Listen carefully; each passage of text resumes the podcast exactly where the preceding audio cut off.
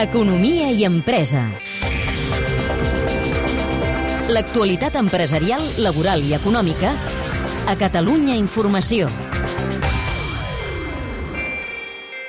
Aquesta és la Setmana Europea de l'Energia Sostenible que vol promoure l'estalvi i l'eficiència energètica. Aquí juguen un paper clau les energies renovables i una que està en expansió, la biomassa, que l'any passat va créixer més d'un 5% a Catalunya.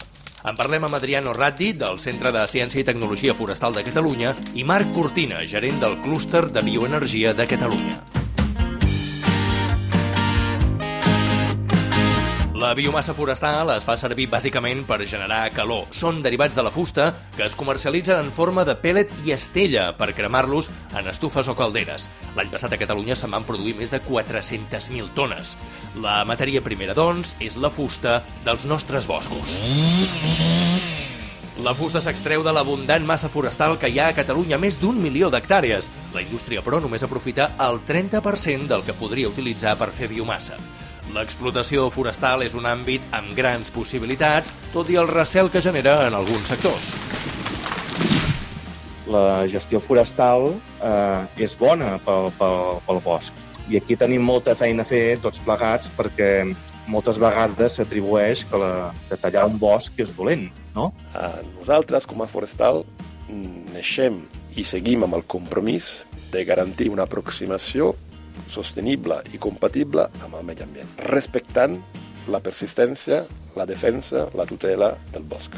Afegeixen que amb l'extracció de fusta es netegen els boscos i es redueix el risc d'incendis. A més, genera activitat econòmica en zones de muntanya.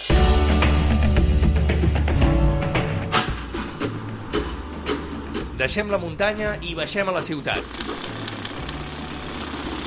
Són les obres d'una gran caldera de biomassa a la seu d'Urgell, subvencionada amb fons europeus. Les administracions públiques comencen a apostar per la biomassa i també ho fan alguns consumidors domèstics que instal·len estufes de pèl·let per la calefacció o l'aigua calenta. Però on hi ha més camí per recórrer és en el sector industrial. Però si tu ho eixampla a tot el que podrien ser els possibles usos per part de sectors productius, sí que allà hi ha un mercat molt més ample. Hi ha molta indústria que necessita calor, tota, exemple, la càrnica. I sí que aquí la biomassa, que ja per ús no domèstic, sí que pot jugar un paper rellevant. Ara a Catalunya hi ha 3.000 instal·lacions de biomassa, però només un 3% són industrials. La inversió inicial és cara, però l'estalvi en el consum pot arribar al 50% respecte al gasoil. A més, garanteix estabilitat de preus.